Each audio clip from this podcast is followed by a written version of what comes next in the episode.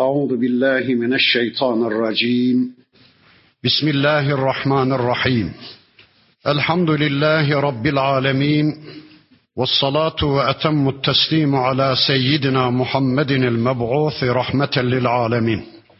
اللهم لا سهل إلا ما جعلته سهلا وأنت تجعل الحزن إذا شئت سهلا. اللهم علمنا ما ينفعنا وانفعنا بما علمتنا وزدنا علما برحمتك يا أرحم الراحمين. أما بعد بسم الله الرحمن الرحيم. وأنذرهم يوم الحسرة إذ قضي الأمر. وهم في غفلة وهم لا يؤمنون. إنا نحن نرث الأرض ومن عليها وإلينا يرجعون. واذكر في الكتاب إبراهيم İnnehu kâne sıddîkan nebiyya. İlâ âhiril âyât. Sadakallahul azîm. Muhterem müminler, birlikte Meryem suresini tanımaya çalışıyorduk. Geçen haftaki dersimizde surenin 39. ayeti kerimesine kadar gelmiştik. İnşallah bu haftaki dersimizde de okumuş olduğum bu 39. ayeti kerimesinden itibaren tanıyabildiğimiz kadar surenin öteki ayetlerini tanımaya çalışacağız.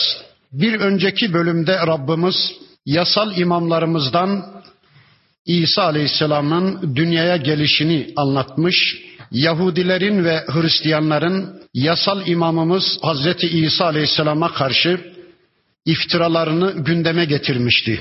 Yahudiler kendi dinleri nesh oldu diye, kendi kitapları İncil'in gelişiyle nesh oldu diye İsa Aleyhisselam'ın doğuşuna öyle üzüldüler, öyle gazaplandılar ki Meryem anamıza iftira ettiler.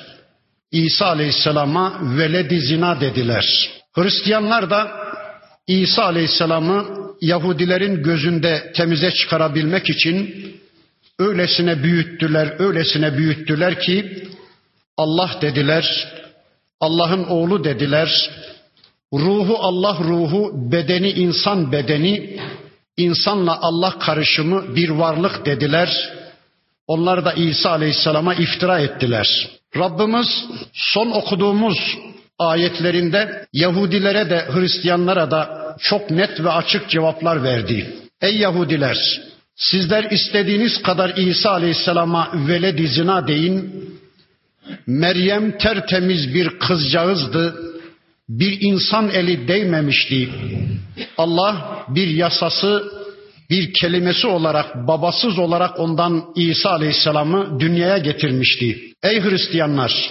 Sizler de peygamberinizi Yahudilerin gözünde temize çıkarabilmek için öylesine büyüttünüz, öylesine büyüttünüz ki ona Tanrı dediniz, ona ilah dediniz, ona Allah'ın oğlu dediniz. Yaratılışının fevkalade oluşundan dolayı ona iftira ettiniz. Eğer o mantık doğruysa o zaman Adem Aleyhisselam'ın da Tanrı olması gerekirdi. Çünkü Adem Aleyhisselam'ın babası da yoktu, anası da yoktu. Her iki taraf da iftira ettiler İsa Aleyhisselam'a. İsa Aleyhisselam'ın ümmeti olan şu anda biz Müslümanlar onu bir beşer olarak, bir anadan dünyaya gelmiş bir beşer olarak ve de Allah elçisi olarak kabul ediyoruz. Şu anda İsa Aleyhisselam'ın yolunda olan bizleriz şu anda İsa Aleyhisselam'a Allah'ın istediği biçimde iman edenler bizleriz.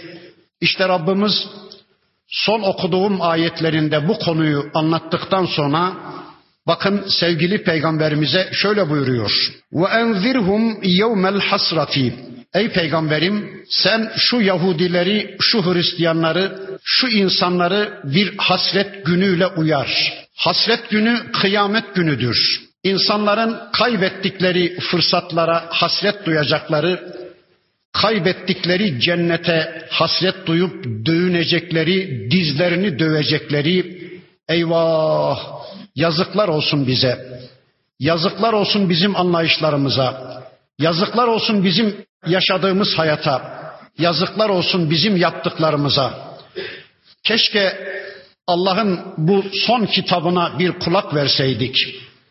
Keşke Allah'ın bizim için seçip gönderdiği son elçisinin sözlerini bir dinleseydik, bu duruma düşmeseydik. Kitap bize uzak değildi. Kitap dimdik ayaktaydı. Kitaba ulaşma imkanımız vardı.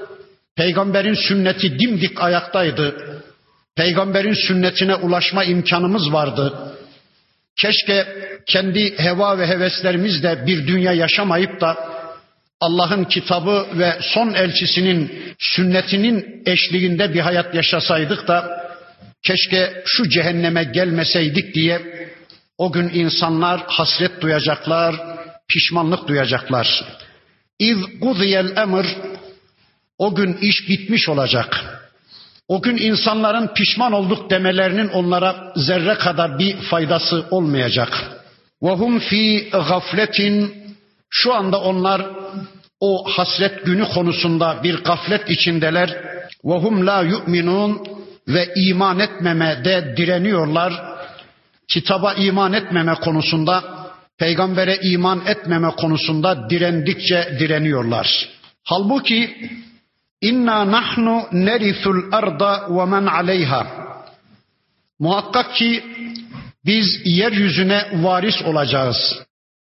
Men aleyha yeryüzünde olanların tümüne biz varis olacağız. Ve ileyna yurcaun ve hepsi de sonunda bize dönecekler, bize döndürülecekler. Evet, bu alemde ne varsa bir gün hepsi ölecek, zaman bitecek, mekan bitecek, gençlik bitecek, dinçlik bitecek, dirilik bitecek, saltanat bitecek, gün güneş bitecek, yıldızlar bitecek, ay güneş bitecek, her şey bitecek ve en sona Allah kalacak. Baki olan Allah'tır. Her şey fanidir, baki olan sadece Allah'tır. En sona Allah kalacak ve Allah yeryüzüne ve içindekilerin tamamına varis olacak. Bakın biz bu dünyaya gelmeden önce de dünya Allah'ındı. Biz bu dünyaya veda edip gittikten sonra da dünya yine Allah'ın olacak. Peki ikisinin arasında dünya kimin? İşte insanlar bu noktada aldanıyorlar. Şu anda insanlar diyorlar ki bu dünya bizimdir. Elim benim, onu istediğim yerde kullanırım. Gözüm benim, kime ne? İstediğime bakar, istediğime bakmam. Midem benimdir, ona istediğimi indiririm, kime ne diyenler, bu dünya bizimdir diyenler gerçekten aldanıyorlar. Bakın Kur'an-ı Kerim'de bu konuyu anlatan bir başka ayeti kerimesinde Rabbimiz şöyle buyuruyor. Göklerde ve yerde bütün varlıkları öldürecek Allah en son Azrail'in canını alacak ve bütün bu dünyadakilere dünyaya bir soru soracak. Limenil mulkul yevm? Mülk kimin bugün? Hakimiyet kimin bugün? Egemenlik kimin bugün? Yetki, söz hakkı kimin bugün? E cevap verecek kimse yok ki herkes ölmüş. Hani nerede o biz istersek kestiririz. Biz istersek açtırırız. Biz istersek nefes alışverişlerinize bile izin vermeyiz diyen, egemenlik bizdedir diyen, yetki bizdedir diyen zalimler nerede? Bir tanesi kalkıp da cevap verse ya, hepsi ölmüşler. Bakın cevabı yine Allah kendisi verecek ve buyuracak ki, Lillahil vahidil kahhar. Bugün mülk, bugün iktidar, bugün egemenlik, bugün söz hakkı tek olan, kahhar olan, düşmanlarını cezalandırmaya, dostlarını ödüllendirmeye muktedir olan Allah'ındır diyecek. Bizzat Allah kendisi cevap verecek. Peki acaba bu soruyu Rabbimiz sadece o gün mü soracak, bugün sormuyor mu? Bugün kimin mülk? Cebindeki paralarınız kimin? Kasanızdaki, kesenizdeki paralarınız kimin? Atlarınız, arabalarınız, evleriniz, dükkanlarınız, mallarınız, mülkleriniz, altınlarınız, gümüşleriniz kimin bugün? Egemenlik kimin bugün? Yetki kimin bugün? Bugün de Allah'ın ama Allah bugün gereğini yapmıyor. Bir imtihan sebebiyle insanlara özgürlük tanımış. Buyurun kimseye dokunmuyorum. Sonucuna kendiniz katlanmak kaydı şartıyla dilediğiniz gibi bir hayat yaşayabilirsiniz demiş. İşte imtihan gereği, dünyanın konumu gereği bugün insanlar aldanıyorlar. Mülk bizim diyorlar. Bu dünyada istediğimiz gibi bir hayat yaşayabiliriz. Kimse bizim önümüze geçemez. Kimse bizi engelleyemez demeye çalışıyorlar ve insanlar aldanıyorlar. Bir gün gelecek biz bu dünyayı terk edeceğiz. Dağlarıyla, denizleriyle, altınlarıyla, gümüşleriyle bu dünya Allah'a kalacak. Çünkü dünyaya en son varis olacak olan Allah'tır. Bundan sonra yasal imamlarımızdan İbrahim Aleyhisselam'ın gündemi geliyor. Bakın Allah şöyle buyuruyor. وَذْكُرْ fil kitabi İbrahim. Ey peygamberim kitapta İbrahim'i de an. Ey Müslüman sen de kitapta İbrahim'i an. İbrahim'i gündeme al. İbrahim'i zikret. İbrahim önünde olsun. Çünkü İbrahim'in hayatında alman gereken çok büyük dersler var, çok büyük ibretler var. Bakın Rabbimiz surenin önceki bölümlerinde Yahya Aleyhisselam'ı anlattı. Gençler Yahya Aleyhisselam gibi iffetli olsunlar diye. Sonra Meryem kızcağızı anlattı, Meryem anamızı anlattı. Genç kızlar da Meryem'i örnek alsınlar diye. Zekeriya Aleyhisselam'ı anlattı Rabbimiz ihtiyar erkekler onu örnek alsınlar diye. Zekeriya Aleyhisselam'ın hanımından söz etti Rabbimiz. Yaşlı kadınlar da onu örnek alsınlar diye. Şimdi de büyük ata İbrahim Aleyhisselam'ı gündeme getirecek Rabbimiz. Bütün dünya insanlığı genciyle, ihtiyarıyla, erkeğiyle, kadınıyla yasal imamımız İbrahim Aleyhisselam'ı örnek alalım diye. İnnehu kâne sıddıkan nebiyya. Muhakkak ki İbrahim Aleyhisselam sıddık bir nebi idi. Sadakatla Allah'a bağlı olan bir elçi idi. Ya da imanının tasdikini, imanının eylemini gündeme getiren bir peygamberdi. Yani inandım sözünü söz planında, iddia planında bırakmayıp onu amele dönüştüren, inandım dediği her konuyu amele dönüştüren sıddık bir elçiydi.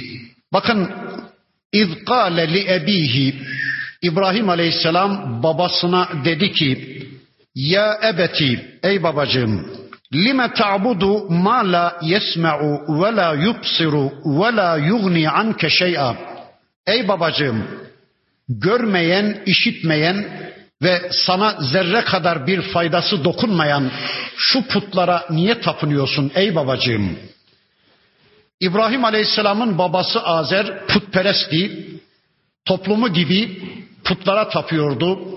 Yıldızlara, aya, güneşe tapıyordu. Putların arkasına saklanmış Nemrut gibi egemen güçlere tapınıyordu. Yani toplumda tanrılar o kadar çoktu ki toplumun diğer üyeleri gibi İbrahim Aleyhisselam'ın babası da putlara tapınıyordu da bakın Allah'ın elçisi İbrahim Aleyhisselam dedi ki babacığım hiçbir şey görmeyen, hiçbir şey işitmeyen ve de sana zerre kadar bir fayda sağlama gücüne sahip olmayan şu putlara niye tapınıyorsun? Sana ne faydası olabilecek bu putların? Çünkü onlar hiçbir şey görmüyorlar. Kendilerinin önünde kesilen kurbanları görmüyorlar. Kendilerinin önünde insanların secdelere vardıklarını görmüyorlar. Kendilerine yapılan duaları işitmiyorlar ve tapınanlara da zerre kadar bir fayda sağlama gücüne sahip değiller. Bırakın bir başkasına fayda sağlamayı, o putlar kendilerine bile zerre kadar bir fayda sağlamaya kendilerinden bile zerre kadar bir zararı def etmeye malik değiller.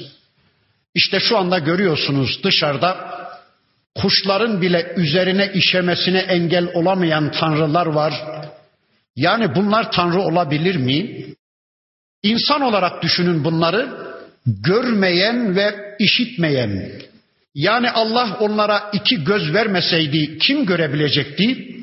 Allah onlara işitme organı vermeseydi kim işitebilecekti? İşte şu anda piyasada bir yığın sağır insan var.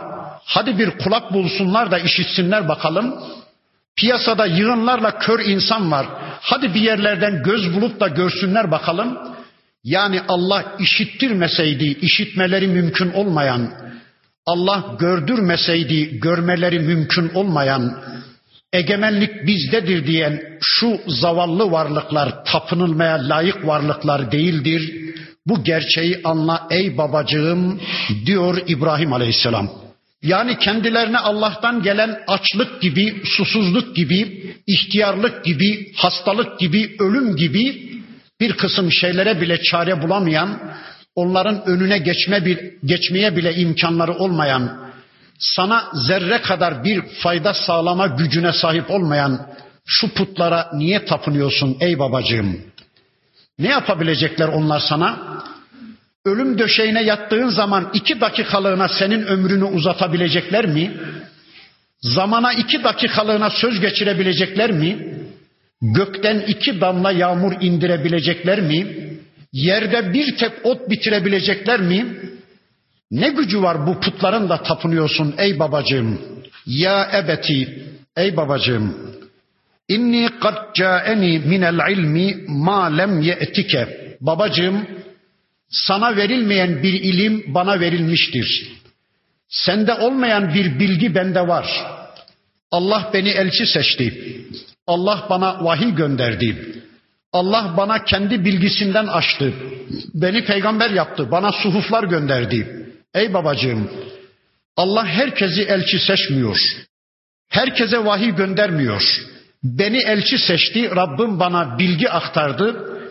Öyleyse fettebi'ni bana tabi ol, beni izle, ehdike sıratan seviyye, ben de seni dost doğru yola ileteyim, hidayetine sebep olayım, hidayetine vesile olayım. Bakın ne kadar hoş, ne kadar güzel ifadeler. Diyor ki İbrahim Aleyhisselam babacığım sende olmayan bir bilgi bende var. Sen peygamber değilsin. Allah beni elçi seçti. Tamam belki oğlun olarak, çocuğun olarak benim sana itaat etmem lazım. Benim seni dinlemem lazım. Diziğin dibinde büyümüş, kucağında büyümüş bir çocuğun olarak belki bana itaat sana zor gelebilir ama ben bütün bunları kendiliğimden söylemiyorum ki ben bunlar kendimden söylemiyorum babacığım. Bunlar bana Rabbimden geldi. Allah beni elçi seçti. Herkesin beni dinlemesi gerekiyor. Beni izlemesi, beni takip etmesi gerekiyor. Babacığım bana tabi ol da seni dost doğru yola ileteyim. Peygamberler yeryüzünde Allah'ın seçtiği model insanlardır. Allah kullarından istediği kulluğu peygamberlerin şahsında örneklemiştir. Namaz kılın der Allah. İşte şekil ağda görüldüğü gibi, peygamberimde görüldüğü gibi. Oruç tutun, peygamberimde görüldüğü gibi. Hanımlarınızla şöyle bir ilişki içinde olun, peygamberimin örneklediği gibi. Gece hayatınız şöyle olsun, cihadınız, kıyamınız şöyle olsun, kazanmanız, harcamanız böyle olsun, mala bakışınız, dünya anlayışınız şöyle olsun, peygamberimde görüldüğü gibi diye model şahsiyet olarak Allah elçilerini seçmiş, bizden istediği tüm kullukları onun şahsında örnekleyi vermiş. İşte bakın İbrahim Aleyhisselam da bir yasal örneğimiz olarak diyor ki babasına, babacığım bana tabi ol, beni izle, ben seni dost doğru yola ileteyim. Ya ebeti, ey babacığım, la ta'budu şeytan, sakın şeytana ibadet etme. İnne şeytane kâne lirrahmani asiyya Şüphesiz ki şeytan Rahman olan Allah'a isyan etmiş, ona baş kaldırmış, ona itaatten çıkmıştır. Babacığım sakın şeytana ibadet etme. Peki yukarıda demişti İbrahim Aleyhisselam, babacığım görmeyen, işitmeyen, sana zerre kadar bir faydası olmayan şu putlara niye tapınıyorsun demişti. Burada da şeytana tapınma dedi. Bunu nasıl anlayacağız? Yani İbrahim Aleyhisselam'ın babası aslında şeytana tapınan birisi değildi. O putlara tapınan birisiydi. Ha o zaman bunu şöyle anlayacağız. Bilelim ki Allah'a kulluğun dışındaki tüm yollar şeytana çıkar. Allah'a itaatin dışındaki tüm yollar şeytana itaate çıkar. Bakın Kur'an'ın değişik yerlerinde Rabbimiz anlatıyor. Önceki derslerimizde de zaman zaman ifade etmiştim. Şeytan diyor ki yeter ki insanlar Allah'a secde etmesinler diye yeter ki insanlar Allah'a secde etmesinler de kime ve neye secde ederlerse etsinler diye insanların karşısına o kadar çok secde makamları çıkarır ki şeytan işte şu anda görüyoruz paraya secde edenler, makama secde edenler, insanlara secde edenler, aya, güneşe, yıldızlara secde edenler, yıldızı parlayanlara, yıldızlara, artistlere, oyunculara, işte şarkıcılara secde edenler, onların önünde vücutlarına jilet atıp vecd ve istigrak halinde kendilerinden geçenler, işte bunların tamamı şeytanın ortaya koyduğu secde makamlarıdır. Şeytan ister ki insanlar Allah'a secde etmesinler de kime ve neye secde ederlerse etsinler diye insanların karşısına yığınlarla secde makamları çıkarır şeytan. İnsanlar yeter ki Allah'ın kitabına yönelmesinler de neye yönelirlerse yönelsinler diye insanların karşısına öyle kitaplar çıkarır ki şeytan aman falan zatın kitabı İslam'ı dini daha güzel anlatır. Falan efendi hazretlerinin kitabını okumak zorundasınız. O kitap işte falan yerde yazılmış, Cebrail tarafından tasdik edilmiş, işte Kabe'nin üzerine bırakılmış. Aman o kitapları okuyun diye insanların karşısına o kadar çok kitaplar çıkarır ki iblis gazete, dergi gibi insanlar öyle diyorlar. Ben gazetemi okumadan kahvaltıma oturmam. İnsanların karşısına okuyabilecekleri o kadar çok dergiler, gazeteler, kitaplar çıkarır ki şeytan yeter ki insanlar Allah'ın kitabını okuyacak zaman bulamasınlar. Allah'ın kitabına yönelmesinler. Şeytan insanların karşısına öyle kutsal örnek insanlar çıkarır ki, öyle örnek şahsiyetler çıkarır ki yeter ki insanlar Allah'ın yasal örneklerine gitmesinler, peygamberlere yönelmesinler, peygamberlerin sünnetine ittiba etmesinler de aman o insanlara yönelsinler diye. Filan zat şöyle uçar kaçarmış, falan zat kaybı bilirmiş, falan zatın tekkesinde bir çorba içtiniz mi kesin cennete gidersiniz gibi insanların karşısına öyle örnek şahsiyetler çıkarır ki şeytan yeter ki insanlar peygamberlere gitmesinler, yeter ki insanlar Allah'ın yasal örnekleriyle ilgilenmesinler, onları tanımasınlar, onların sünnetine yönelmesinler. İnsanlar yeter ki Allah'ın sistemine yönelmesinler diye şeytan insanların karşısına öyle sistemler çıkarır ki faşizmdi, kapitalizmdi, demokrasiydi, laisizmdi, komünizmdi, bilmem ne izim ne izimdi diye şeytan insanların karşısına öyle sistemler ürettirir, öyle sistemler çıkarır ki yeter ki insanlar Allah'ın sistemine gitmesinler, İslam'a yönelmesinler diye. İşte bakın bunu çok iyi bilen İbrahim Aleyhisselam diyor ki babasına, babacığım sakın şeytana kulluk etme. Çünkü şeytan Allah'a isyan etmiştir. Bu ifadeden öğreniyoruz ki şeytanın esas düşmanlığı Allah'adır. Şeytanın savaşı Allah'ladır da ama Allah'la baş edemeyeceğini bildiği için Allah çok güçlü kuvvetli olduğu için iblis bir hedef değiştirmiş, sanki hedef saptırmış, Adem'i karşısına almış, hedef tahtası yapmış, sanki Adem'e düşmanmış gibi bir tavır takınmış. Halbuki işte bu ve benzeri ayetlerden öğreniyoruz ki Şeytanın düşmanlığı Allah'adır. Şeytanın savaşı Allah'ladır ve Allah'a baş kaldırmıştır. İnsanları Allah'a kulluktan koparıp kendisine kul köle edinmek ister ve gideceği cehenneme kendisine uyanları da götürmek ister. Ya ebeti, ey babacığım, inni ehafu ben korkuyorum en yemesseke azabun miner rahmani. Ey babacığım ben sana Rahman'ın bir azabının bir gazabının dokunmasından korkuyorum ki o zaman fetekune li şeytani veliya sen şeytana veli olu verirsin şeytana dost olu verirsin, şeytana ikiz, şeytana bitişik hale geli verirsin. Allahu ekber. Bakın bir kul Allah'a kulluktan ayrıldığı zaman, bir kul Allah'la ilişkisini kestiği zaman Allah da ondan desteğini alıverdi mi artık o kul çaresiz şeytana bitişik hale geliverir. Şeytanın ikizi olu verir. Şeytana yapışkan bir hayatın adamı olu verir. Şeytan eşliğinde bir hayat yaşayıp sonunda şeytanın gittiği cehenneme gidiverir Allah korusun. Bu konuyu anlatan kitabımızda bir başka ayet vardır. Zuhruf suresinde. Bakın Allah şöyle buyuruyordu. وَمَنْ يَعْشُ عَنْ ذِكْرِ الرَّحْمَانِ Kim ki Rahman'ın zikrine gözünü yumarsa zikir Kur'an'dır.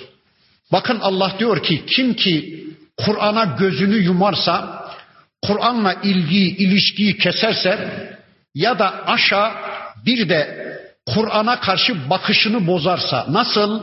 ben kim, bu kitabı anlamak kim?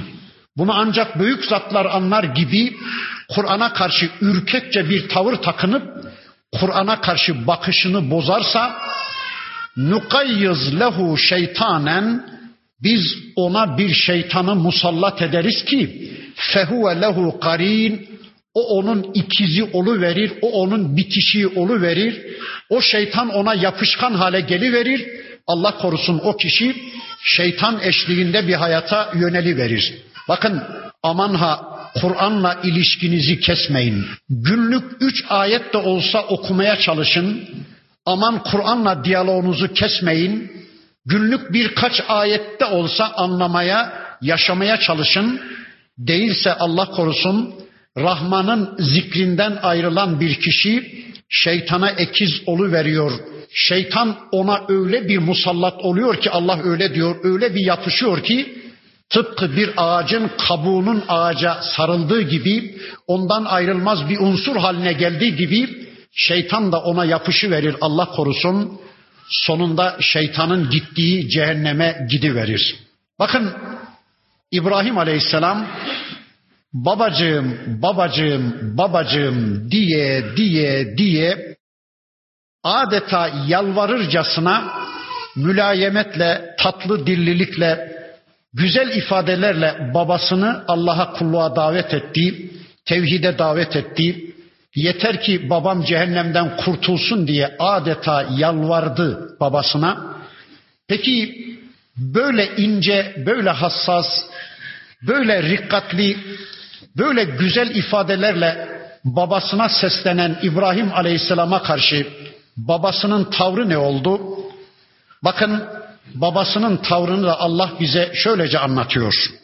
Şimdi bir iman tavrıyla bir küfür tavrının farkını öğreneceğiz.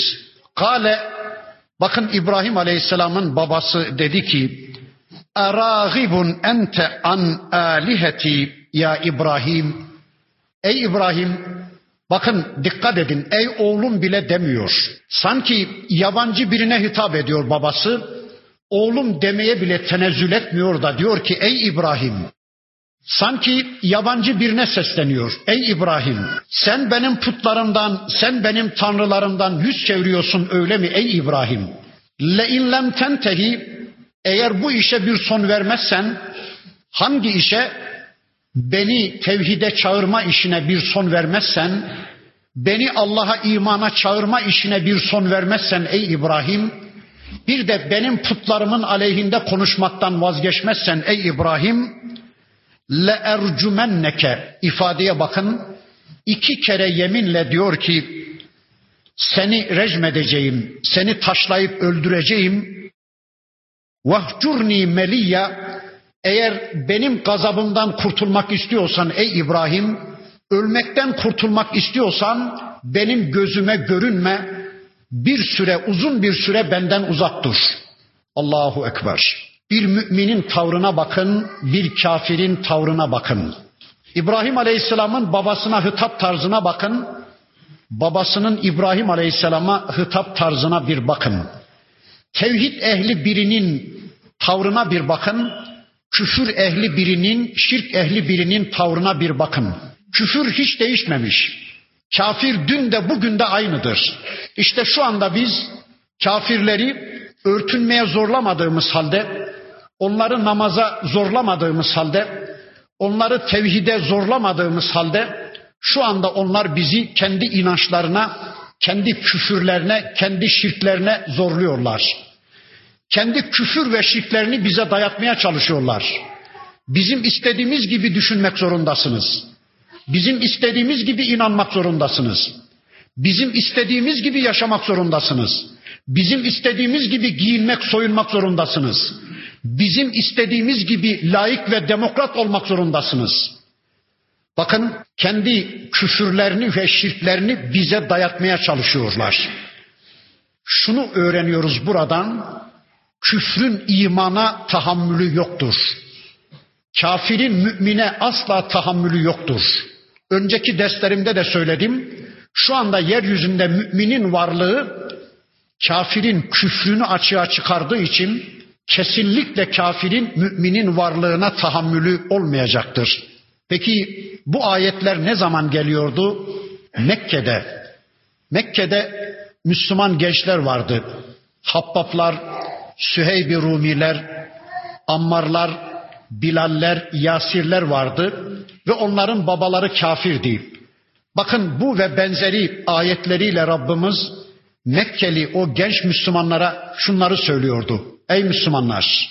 Bakın ben size İbrahim'i anlattım. İbrahim'in yasal örneğimin babasına tavrını anlattım. Babalarınız kafir, analarınız kafir. Siz de İbrahim Aleyhisselam'ı örnek alın da aman ha babalarınızı, analarınızı kırıp dökmeyin. Onları tevhide çağırırken, onları imana, İslam'a çağırırken, onları Allah'a kulluğa ve cennete çağırırken sakın kırıp dökmeyin. Yarın onlar Müslüman olmayışlarına mazeret olarak sizi göstermesinler. Ya Rabbi ne yapalım? Biz de iman etmek istiyorduk ama bizden önce iman eden oğullarımızın bize tavrı öylesine bozuktu ki bizi öylesine kırıp döktüler ki onlardan dolayı biz senin dininden nefret ettik.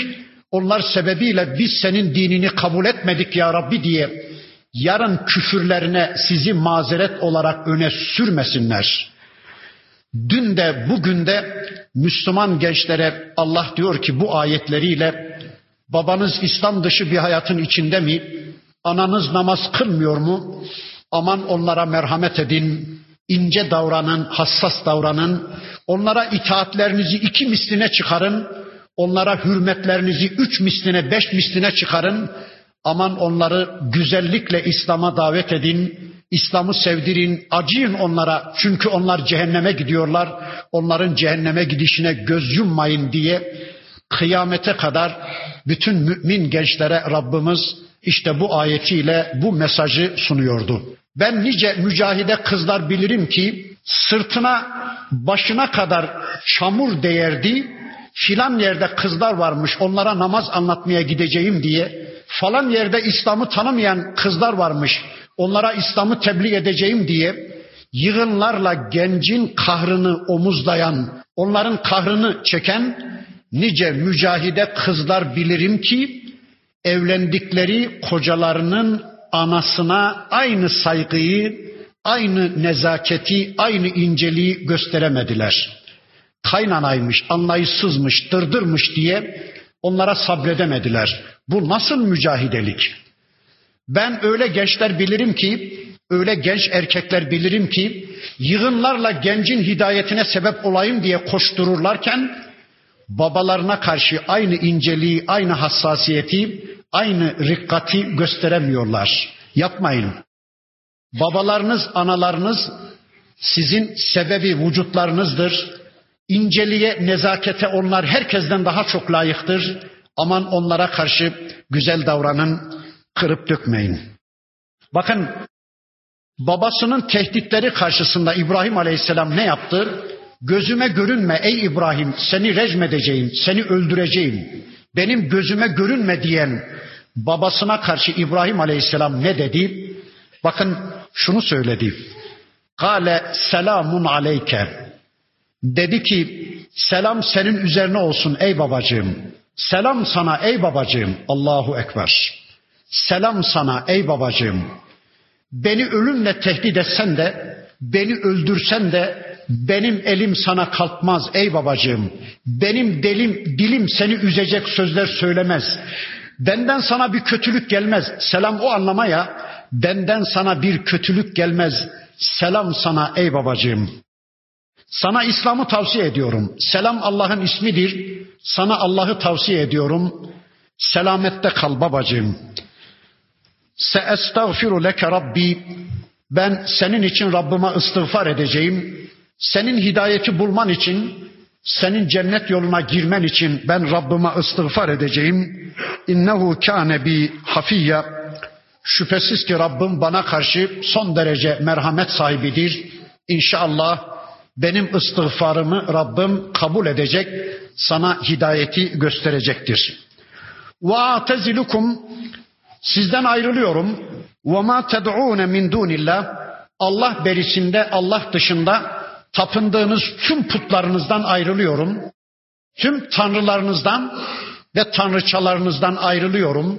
Sizi onlarla baş başa bırakıp sizden ayrılıyorum. Ve ed'u Rabbi ve Rabbime dua ediyorum. Asa ella ekune bi duai Rabbi şakiyya. Umarım ki Rabbim dualarında beni şakî kılmaz, beni bedbaht etmez, beni kem talih kılmaz. Rabbim inşallah benim dualarımın karşılığını bana lütfeder dedi. Toplumundan, babasından ayrıldı. Lakin burada İbrahim Aleyhisselam'ın sadece babasıyla ilişkisi anlatıldı. Peki İbrahim Aleyhisselam'ın daveti babasıyla sınırlı mıydı? Başkalarına bir şey demedi mi? Hayır burada o anlatılmadı. Kitabımızın başka yerlerinde onlar anlatılır. Şöyle kısa bir özet yapayım. İbrahim Aleyhisselam'ın daveti babasından topluma yansıdı. Tüm toplumu içine aldı. Biliyorsunuz İbrahim Aleyhisselam toplumunun gözü önünde toplum yıldıza, aya, güneşe tapınıyordu. Yıldızları, ayı, güneşi adeta nübüvvet kılıcıyla doğrarcasına kömürler halinde ayaklar altına seri verdi. Yıldızın tanrı olamayacağını, güneşin Rab olamayacağını, ayın Rab olamayacağını son derece açık ve net bir biçimde toplumuna ispat etti. Daha sonra toplum bir mesire yerine gitmişti. Puthaneye girdi. Bütün putları kırdı. İbrahim Aleyhisselam sonra toplumla kavgası, çatışması alevlendi. En son Nemrut onu dağlar gibi yanan bir ateşin üzerine attı bir mancınıkla. Yukarıdan ateşe düşerken birkaç saniye içinde Peygamber Efendimizin beyanlarına göre Cebrail aleyhisselam geldi. Ey İbrahim beni sana Allah gönderdi. Eğer istersen sana zulmeden şu insanların tümünü helak edeyim dedi. Allah'ın selamı var dedi. İbrahim aleyhisselam dedi ki Ey Cebrail şu anda Allah beni görüyor mu? Evet görüyor. Şu anda Allah beni işitiyor mu? Evet işitiyor. Şu anda Allah benim halime nigahban mı? Evet nigahban. Öyleyse benim senin yardımına ihtiyacım yok ey Cebrail. Hasbunallah ve ni'mel vekil, ni'mel mevla ve ni'mel nasir. Allah bana yeter. Ben ona güvendim dayandım. O ne güzel vekil. O varken benim sana da başka birine de ihtiyacım yok ey Cebrail dedi. Öyle muazzam bir teslimiyet ortaya koydu ki İbrahim Aleyhisselam Allah da buyurdu ki ya naru kuni berden ve selamen ala İbrahim. Ey ateş kulumuz İbrahim'e serin ve selamet ol dedi. Ateşin boynundaki ipin ucu Allah'ın elindeydi. Ateş Allah'ı dinlerdi. Ateşe yakma yasasını Allah koymuştu. Ateş Allah'ı dinledi, bir anda sönü verdi. Güllük gülistanlık olu verdi. Çiçeklerin, çayırların, çemenlerin içinden İbrahim Aleyhisselam yürüyerek çıka geldi. O olaydan sonra da zaten İbrahim Aleyhisselam artık orada kalamazdı. Hicret gerçekleştirdi. Bu olay Ur kentinde olmuştu. Şimdiki Urfa Allahu alem o zamanlar Ur kenti idi. Bu olay orada gerçekleşti ve İbrahim Aleyhisselam yanında Sara annemiz, ve de yeğeni Lut aleyhisselamla birlikte Ur kentinden hicret etti, ayrıldı. Önce Harran'a geldi, bir süre orada kaldı. Sonra Şam, sonra Filistin bölgesinde Halilur Rahman kentine yerleşti. Yeğeni Lut aleyhisselam da şu andaki Lut gölünün bulunduğu yerde iki büyük şehir vardı. Sodom ve Gomorre diye. İşte yeğeni Lut aleyhisselam da orada elçi olarak görevine başladı. Bakın bundan sonrasını Rabbim şöylece anlatıyor. فَلَمَّا اَعْتَزَلَهُمْ وَمَا يَعْبُدُونَ مِنْ دُونِ اللّٰهِ İbrahim aleyhisselam babasından, toplumundan ve toplumunun tapındığı tüm tanrılarından iraz edip ayrılınca وَهَبْنَا lehu İshaka ve Yakub'e Biz de ona İshak'ı ve Yakub'u lütfettik. Sara annemizden İshak Aleyhisselam'ı bir oğul peygamber olarak lütfeden Rabbimiz İshak Aleyhisselam'dan da Yakup Aleyhisselam'ı lütfetti. Böylece İbrahim Aleyhisselam'a bu hicretinin neticesinde iki meyve verdi. Birisi bir peygamber oğul İshak Aleyhisselam, ötekisi de bir peygamber torun Yakup Aleyhisselam. Ve kullen cealna nebiyye biz her birerini elçi kıldık. Ve vehebna lehum min min ravhina her birerine rahmetimizi ulaştırdık. Ve cealna lehum lisane sıdkın aliyye her bir dilde, her bir toplumda onları övülecek bir konuma getirdik. Saygı duyulacak bir konuma getirdik. Bundan sonra Rabbimiz yasal imamımız, imamımız İbrahim Aleyhisselam'ın gündemini bitirdikten sonra şimdi de bir başka yasal imamımız, bir başka yasal örneğimiz Musa Aleyhisselam'a bir değinide bulunacak. وَذْكُرْ fil kitabi Musa. Ey peygamberim kitapta Musa'yı da an, ey Müslüman kitapta Musa'yı da zikret, Musa'yı da gündeme al. İnnehu kâne muhlasan Şüphesiz ki Musa aleyhisselam ihlasa erdirilmiş bir elçiydi. Süzülmüş, saf vahiy Müslümanı, saf Allah'a kul olan bir Müslümandı. Ve kana rasulen nebiyye Musa aleyhisselam Rasul ve Nebi idi. Nadeynahu min canibi turil eymeni biz Tur Dağı'nın sağ taraflarından ona seslendik. Ve karrabnahu neciye onunla konuşmak için onu yaklaştırdık. Allahu alem Medyen'den dönerken sevgili peygamberimiz Musa aleyhisselam ailesiyle birlikte Mısır'a dönerken yolunu kaybetti. Bir ateş gördü. Ailesine dedi ki siz burada bekleyin şuradan bir ateş parçası getireyim ısınırsınız ya da yolumuzu bize tarif edecek bir mihmendar buluruz dedi. Ateşe doğru gitti Tuva Vadisi'nde, mukaddes Tuva Vadisi'nde, Tur Dağı'nın eteklerinde bir ağaçtan, mukaddes bir ağaçtan bir ses duydu, bir ses geldi. Allah onunla bizzat konuştu. Yeryüzünde hiçbir kuluna nasip etmediği zirve noktada bir şerefi Allah ona nasip etti. Kelamına onu mazhar kıldı. Yani bizzat Allah'ın kelamına muhatap oldu Musa aleyhisselam. Bundan sonraki surede uzunca bu konu anlatılacağı için ben burada bu kadarcıkla iktifa ediyorum. Sonra ve vehebna lehu min rahmetina ehahu Harun nebiyye.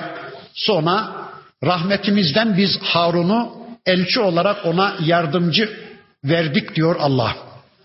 Musa aleyhisselam dedi ki ya Rabbi Allah dedi ki dön Mısır'a Firavun ve toplumunu uyar ve Müslümanları Firavun'un zulmünden kurtar buyurdu Rabbimiz. Musa aleyhisselam dedi ki ya Rabbi ben bir adam öldürüp kaçtım. Bir suçluluk psikozu içindeyim. Şimdi onlar benim bu suçumu yüzüme vurdukları zaman rahat konuşabilmem için kardeşim Harun'u da bana yardımcı ver dedi. Allah da ona kardeşi Harun'u bir elçi olarak, yardımcı olarak verdi. Böylece Rabbimiz sadece bu bölümle Musa Aleyhisselam'ı bizim gündemimize taşıdıktan sonra şöyle buyurdu. وَذْكُرْ fil kitabı İsmail Bir de kitapta İsmail'i de an ey Müslüman, ey peygamber. İnnehu kâne sadıkal vaadi. Şüphesiz ki İsmail aleyhisselam vaadinde sadık bir elçiydi. Ve kâne rasûlen nebiyye. O bir rasul ve nebi idi. Rasul ve nebi. Bu kelime üstünde de birkaç cümle duralım. Dikkat ederseniz İsmail aleyhisselam için Rasul ve Nebi dedi Allah. Önceden bize şöyle bir bilgi sunulmuştu. Kendisine müstakil bir şeriat verilen, müstakil bir kitap verilen peygamberlere Rasul, kendisine müstakil bir kitap ve şeriat verilmeyip bir önceki peygamberin kitabı ve şeriatıyla amel eden peygamberlere de nebi denir diye böyle bir tanım getirmişlerdi. Çocukluğumuzdan beri böyle bir tanımı duymuştuk. Ama bakın bu ayeti kerime bu tanımı tamamen farklı bir şekilde ortaya koyuyor. İsmail Aleyhisselam'a Allah Resul ve Nebi dedi. Peki İsmail peygambere hangi kitap verilmişti? Hayır. Hiçbir kitap verilmedi. Suhuf da verilmedi. O zaman bu mana oturmuyor. Şöyle desek biraz daha uygun mu diye düşünüyorum. Rasul ve Nebi kavramları peygamberin konumundan dolayı, makamından dolayı ona verilen iki isimdir, iki sıfattır. Mesela şu anda ben size göre adım Ali'dir. Hanımıma göre benim adım kocadır. Kızıma oğluma göre benim adım babadır. Eğer bir yerlere halife falan olursam benim adım Emirül Müminindir. Bakın kaç tane ismim oldu. Konumumdan dolayı bana değişik isimler verilebilir. İşte peygamberin Allah'tan haber getirici olarak, haberci olarak peygamberin adı Nebidir. Ümmetine, toplumuna örnekliliği yönüyle de peygamberin adı Rasuldür. Öyleyse her peygamber hem nebidir hem de rasuldür. İşte bakın İsmail Aleyhisselam'a herhangi bir kitap verilmediği halde, suhuf da verilmediği halde Rabbimiz İsmail Aleyhisselam için Rasul ve Nebi kavramını kullandığına göre bu mana biraz daha doğru gibi. Ve kana ye'muru ehlehu bis salati ve zekati ve kana inde rabbihi mardiyya İsmail Aleyhisselam ailesine, ehline, toplumuna namazı ve zekatı emreden ve de Allah katında razı olunmuş bir makama sahip bir elçiydi.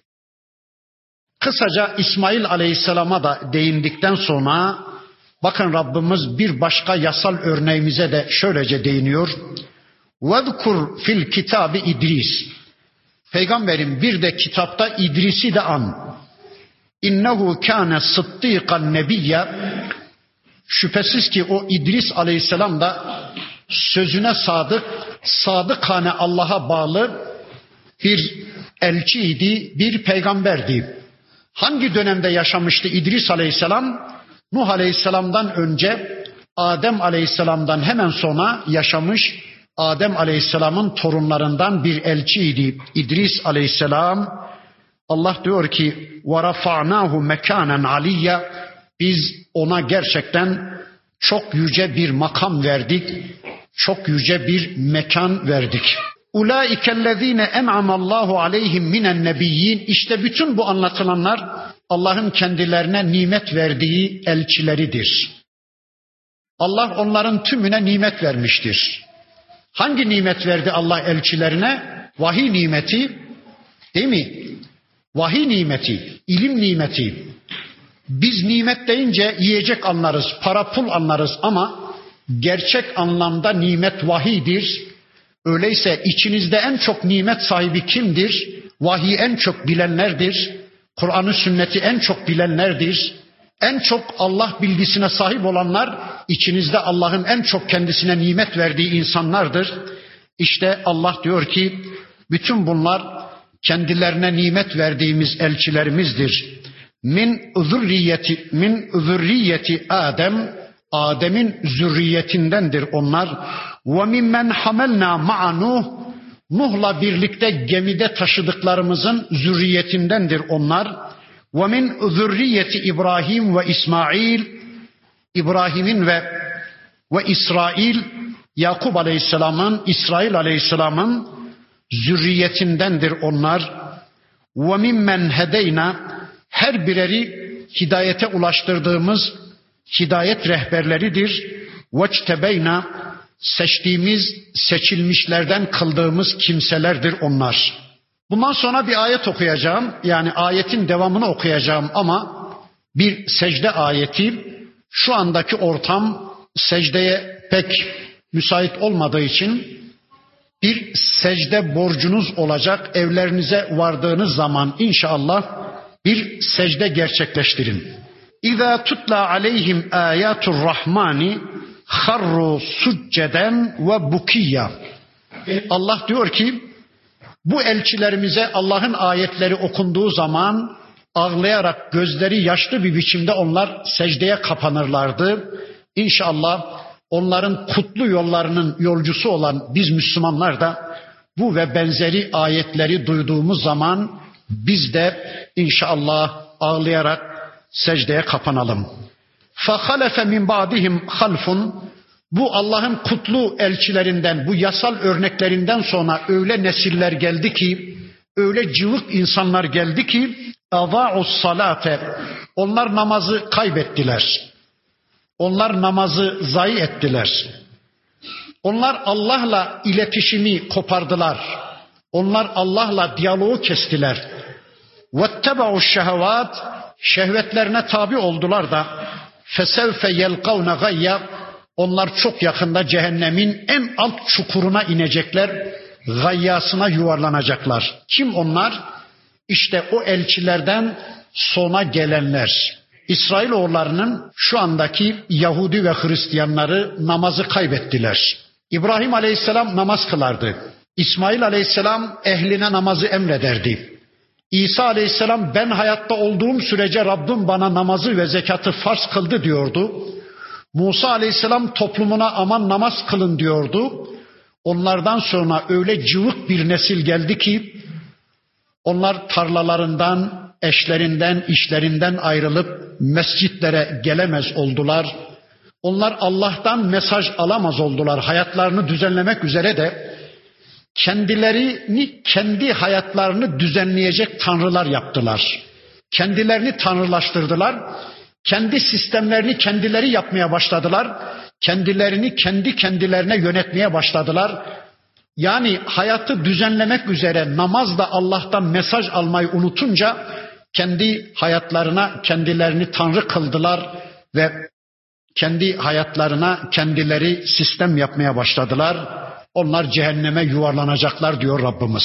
İlla men tabe ancak tevbe edenler sona gelen bir peygamberle yeniden namaza dönenler sonra gelen bir davetçiye iman ederek her bir sonraki davetçiye iman ederek Allah'a kulluğa yönelenler, kıblelerini değiştirenler, namazsız hayatlarına son verip, secdesiz hayatlarına son verip, namaza ve secdeye yönelenler ve amene iman edenler ve amile salihan bir de salih amel işleyenler var ya ulaike yedhulunel cennete işte onlar cennete girecekler la yuzlemune şey'a Allah onlara hiçbir şekilde haksızlık yapmayacak. Zerre kadar Allah onlara zulmetmeyecek. Cennet adnin illeti va'der rahmanu ibadahu bil gaybi Allah'ın gıyabında kullarına vaat ettiği adın cennetlerine gidecek onlar. İnnehu kâne va'duhu me'tiyye Şüphesiz ki Allah'ın vaadi mutlak surette gerçekleşecektir. Adın cennetlerinden daha önce de söz ettim. Burada bir iki cümle daha söyleyeyim. Allah'tan az şey istenmez. Sevgili peygamberimiz önce de okudum ama yeri gelmişken bir daha söyleyeyim. Allah'tan isteyeceğiniz zaman adını ve firdevsi isteyin. Çünkü Allah'tan az şey istenmez ki. Burada aklıma bir fıkra geldi. Bakın Beyzade'nin birisi atını eğerlemiş, şöyle bir dağ yolculuğuna çıkmış. Heybesinde de bir tane karpuz var. Bir ormanda bir çeşme görmüş, bir pınar görmüş. Şu pınarın kenarında şu karpuzumu yiyeyim demiş. İnmiş atından, kesmiş karpuzunu, dilimlemiş. Güzelce karpuzu yemiş. Sonra da şuraya bir köşede az biraz kestireyim demiş. Başını bir ağaca yaslamış. Şöyle uyudu uyuyacak iken bir derviş çıka gelmiş. Bakmış ki orada kabuklar var. O Beyzade'yi ve atını da görmüyor. Şöyle etrafına bakınmış kimse görmüyor. O karpuzun kabuklarını sıyırmaya başlamış. O derviş her bir kabuğu sıyırdıkça da şöyle diyormuş. Ya Rabbi sana sonsuz şükürler olsun. Ya Rabbi ne büyük nimet sahibisin. Ya Rabbi sana hamdü senalar olsun diye her bir kabuğu sıyırdıkça da Allah'a hamd ediyormuş. Beyzade dayanamamış. Derviş demiş bir bakmış ki ha demek ki karpuzun sahibi orada demiş. Buyur efendim demiş. Yahu derviş gerçekten az evvel seyrettim. Senin teslimiyetine, senin tevekkülüne hayran kaldım. Öyle tevekkül ehli birisisin ki, öyle Allah'a itimat ehli birisisin ki, vallahi şaşırdım kaldım demiş. Ama sana bir gerçeği söyleyeyim derviş beni iyi dinle demiş. Buyur efendim derviş sen o kabuğa razı olduğun sürece sittin sene de geçse inan sen onun içini göremezsin demiş. Sen onun kabuğuna razı olduğun sürece sen sittin senede geçse o karbuzun içini yiyemezsin. Yani kimi Müslümanlar diyorlar ki ya Rabbi işte cennette şöyle ashab-ı keyfin köpeğinin kulübesi kadar küçücük bir yer, daracık bir yer bize yeter. Ya Allah'tan az şey istenmez ki ya da yaşadığımız toplumda Müslümanlığın bu kadarına razıyız dediniz mi gerçek İslam'a ulaşamazsınız. Kabuğa razı oldunuz mu içini göremezsiniz. Yani Allah'ın dinini tam ve mükemmel yaşamak üzere, Allah'ın dinini yeryüzünde tam ve mükemmel bir biçimde egemen kılmak üzere ciddi bir çabanın, ciddi bir gayretin içinde olmak zorundayız. Yani biz bu kadarına razıyız, bu kadarı bize yeter demeye hakkımız yoktur. Allah'ın dinini en güzel bir biçimde, en mükemmel bir biçimde yaşamak zorundayız. Geri kalan kısmını inşallah tanımak üzere Allah'a emanet olun. Subhaneke Allahumma ve bihamdik eşhedü en la ilahe illa ente estağfiruke ve etubu ileyk. Velhamdülillahi Rabbil alemin.